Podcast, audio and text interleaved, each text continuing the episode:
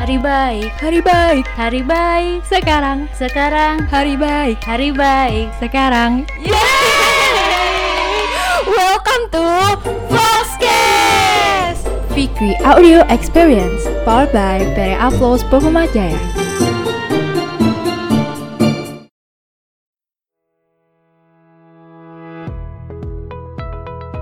Bismillahirrahmanirrahim. Assalamualaikum warahmatullahi wabarakatuh Teman-teman Foxcast. Apa kabar semuanya? Semoga tetap dalam keadaan baik dan sehat-sehat ya semuanya. Dan semoga apa pun yang sedang kalian kerjakan Apa pun yang sedang kalian jalani Atau apa pun yang sedang kalian sibukkan hari ini Semoga lancar dan diberkahi Allah subhanahu wa ta'ala ya, denger-denger kemarin banyak nih katanya yang nunggu-nunggu episode kedua dari Foxcast ya kan? Tenang gengs, Foxcast kembali lagi bersama aku Liz. Yeay. Pembicara baru yang bakal menemani kalian sepanjang masa.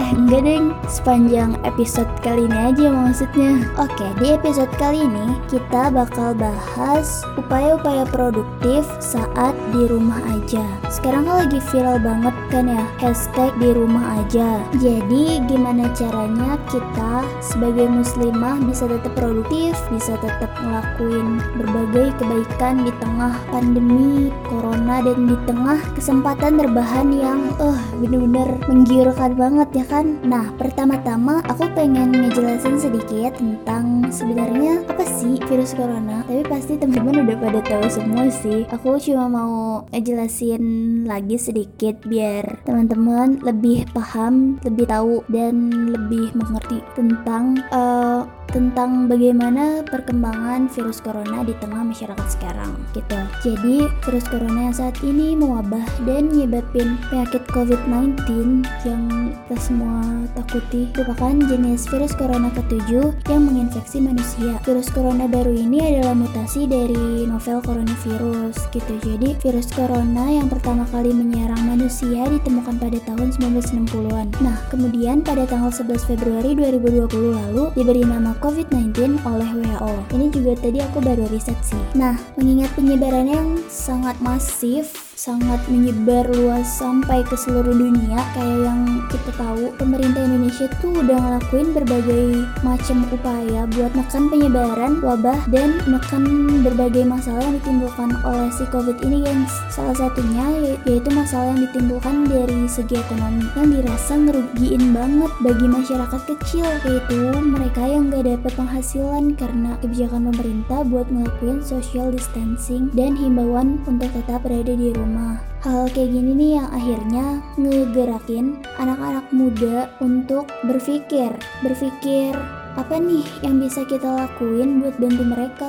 Gimana ya supaya mereka bisa tetap makan, bisa tetap menghidupi keluarganya. Nah, dari sinilah jiwa-jiwa kemanusiaan kita terpanggil, gengs. Inilah saatnya buat kita saling tolong-menolong, bahu-membahu, menyalurkan bantuan. Dari yang aku lihat sejauh ini sih ya, udah banyak macam-macam bentuknya. Apakah itu membuka donasi buat beli sembako dan peralatan medis? Apakah itu beliin abang-abang gojek makanan yang sekarang lagi gencar-gencarnya dilakuin di Instagram sih biasanya tuh buka open donation gitu. Bahkan sampai ada yang nawarin diri buat jadi relawan. Wah masya allah banget kan gengs? Mereka inilah yang termasuk ke dalam golongan ahlus sunnah yaitu golongan manusia yang selalu bertawakal selalu berdoa dan selalu mencari peluang agar bisa keluar dari masalah. Walaupun berada di rumah nih kayak sekarang mereka tetap berlomba-lomba menimbun bekal bekal kebaikan. Karena mereka-mereka itu udah tahu bahwa investasi terbesar dalam kebaikan adalah manusia gitu. Jadi bukan investasi dalam saham ataupun investasi-investasi apa pun itu yang keren-keren yang bernilai material gitu bukan. Tapi sebenarnya yang bisa memberikan nilai lebih banyak adalah manusia itu sendiri. Nah teman-teman juga pasti pengen kayak mereka kan yang termasuk golongan ahlus sunnah tadi. Gimana sih caranya biar kita sebagai muslimah tetap produktif walau godaan rebahan di rumah jauh lebih besar daripada hari-hari sebelumnya agar bisa menjadi bermanfaat bagi banyak orang dan hidup kita jadi nggak sia-sia. Di sini aku udah ngerangkum ada lima hal yang bisa kita lakuin buat tetap produktif walau berada di rumah. Apa aja tuh? Nah, yang pertama nonton. Hah, nonton. Iya, nonton. Bukan nontonin opa-opa sarangeo loh ya. Bukan, bukan nonton drama Korea, bukan nonton acara-acara gosip dan hal-hal kayak gitu yang kurang bermanfaat, tapi nonton hal yang bisa ngembangin diri kita. Contohnya, nonton kajian online. Sekarang kan udah banyak tuh ya kajian online di YouTube, terus di IG, di WhatsApp juga ada tuh biasanya. Ya walaupun jatuhnya bukan nonton sih. Nah, salah satunya tuh di grup WhatsApp namanya Sohib, Sobat Hijrah Bareng. Ini salah satu prokernya LDK Fikri PNJ Gengs. Buat kalian yang belum join, bisa banget join di Instagram LDK Fikri PNJ. Ada di posan yang tanggal 26 Maret deh kalau nggak salah. Nah, kalian bisa cek di situ dan langsung daftar. Karena di situ kita bakal bahas banyak mengenai hal-hal yang bermanfaat kayak kajian tentang Islam memerdekakan perempuan yang kemarin kita udah laksanakan. Nah, itu salah satu contohnya. Atau hal-hal yang bermanfaat lainnya seperti video dosen lagi mengajar. Sekarang kan lagi mau UTS kan. Jadi boleh tuh ditonton video-video edukatif kayak gitu. Atau nonton sesuatu yang menambah ilmu dan hal kayak gitu yang bisa meningkatkan kualitas diri kita. Oke, next. Yang kedua, rebahan. Eh, rebahan. Rebahan yang kayak gimana dulu nih? Rebahan bisa lebih bermanfaat kalau diiringi dengan berzikir dan bermuhasabah. Ini waktu yang pas banget nih buat teman-teman banyak-banyak berzikir atau mengingat Allah. Dan berzikir inilah gengs yang Allah janjikan punya konsekuensi ketenangan hati. Jadi teman-teman kalau hatinya lagi ambiar atau lagi galau atau lagi sedih gitu kan bisa banget teman-teman berzikir. Jangan malah bikin snapgram yang bahkan belum tentu kan diperduliin sama followers kita. Malah nanti bisa jadi dibilangnya alay gitu. Atau jangan malah dengerin lagu-lagu yang galau gitu. Karena itu malah bikin galau kan. Malah bikin terhanyut dalam kesedihan kita. Nah caranya tuh sebenarnya simpel banget teman-teman. Cuma dengan mengingat Allah,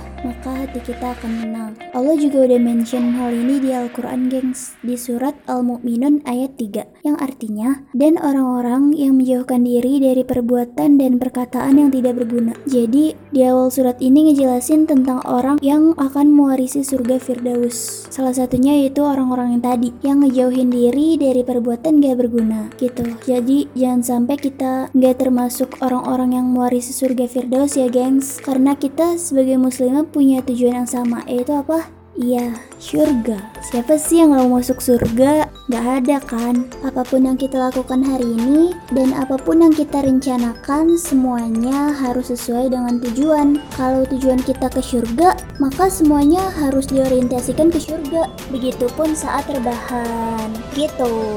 Oke, next. Yang ketiga, tilawah. Gak ada lagi alasan buat kita nggak tilawah di tengah waktu luang yang bahkan lebih dari cukup pada saat ini, gengs. Seharusnya di saat-saat kayak gini menjadi peluang buat kita mendekatkan diri pada Allah.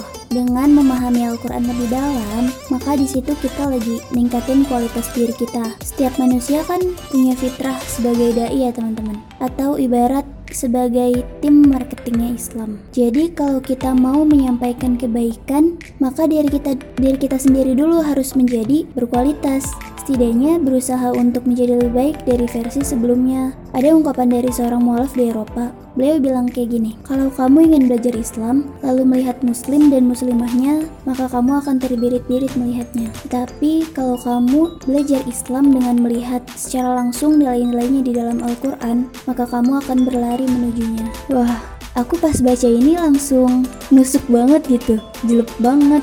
Karena kalau lihat di zaman sekarang kan emang bener kayak gitu Nah, inilah kenapa penting banget buat kita belajar Al-Quran. Buat kalian yang baru mau belajar tilawah, gak apa-apa, sedikit-sedikit dulu. Misalnya satu halaman sehari, terus nanti lama-kelamaan makin nambah, makin nambah, sampai bisa satu juz sehari.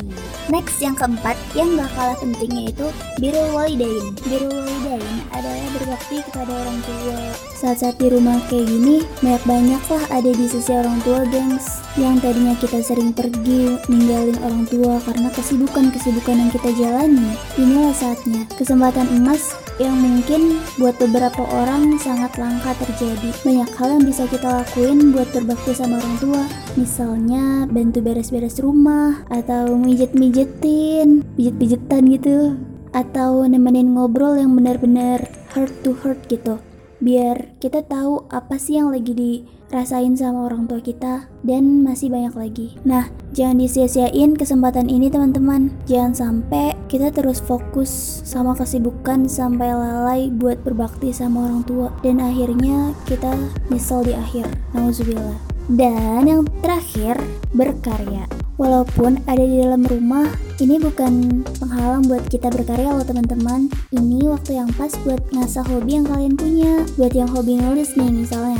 Bisa banget loh kita manfaatin waktu senggang di antara work from home atau learn from home sambil nulis-nulis cerita, bikin puisi buat seseorang atau apa pun yang bikin kemampuan nulis kita meningkat. Buat yang suka desain misalnya, bisa tuh kita bikin-bikin desain sambil terus mempelajari dan memperdalam aplikasi desainnya. Seenggaknya di kita nih di rumah bisa ngasilin sesuatu yang bermanfaat, jadi nggak ada lagi alasan buat nggak produktif. Kurang lebih itu gengs 5 hal yang bisa kita lakuin saat berada di rumah dan melakukan social distancing. Apa aja tadi? Yang pertama, nonton, nonton hal-hal yang bermanfaat. Yang kedua, rebahan sambil berzikir dan bermuhasabah diri. Yang ketiga, tilawah. Yang keempat, birrul walidain atau berbakti pada orang tua. Dan yang kelima, berkarya.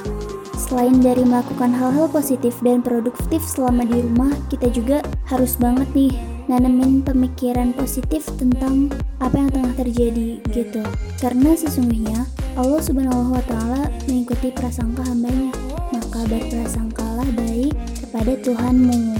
Kita juga harus yakin bahwa semua yang terjadi pasti punya hikmah dan punya pembelajaran di baliknya. Maka tugas kita adalah Berdoa nih gengs dengan penuh keyakinan bahwa hal ini bakal selesai dan bakal memiliki hikmah yang dalam.